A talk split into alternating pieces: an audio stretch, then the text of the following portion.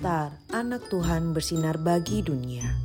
Renungan tanggal 13 Juni untuk anak balita sampai kelas 1 SD. Diambil dari kisah para rasul 16 ayat 31.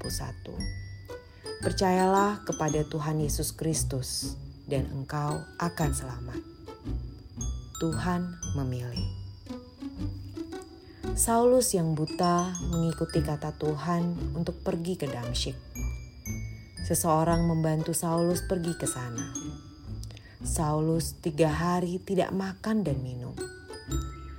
Tuhan Yesus menemui Ananias dalam mimpinya dan menyuruh Ananias untuk pergi melihat Saulus. Namun ia takut karena Saulus sangat jahat terhadap murid Tuhan Yesus. Ananias mengunjungi Saulus. Ananias bahkan menumpangkan tangannya dan memberitahu bahwa Tuhan Yesus mau Saulus dapat melihat lagi.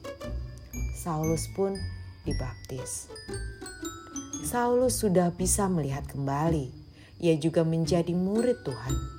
Saulus mengganti namanya menjadi Paulus. Paulus percaya pada Tuhan Yesus. Paulus menjadi murid Tuhan dan menyebarkan firman Tuhan ke kota-kota lainnya. Adik-adik, Tuhan Yesus sungguh baik ya. Walaupun Saulus jahat, Tuhan Yesus mau mengutus Saulus. Saulus yang buta disembuhkan.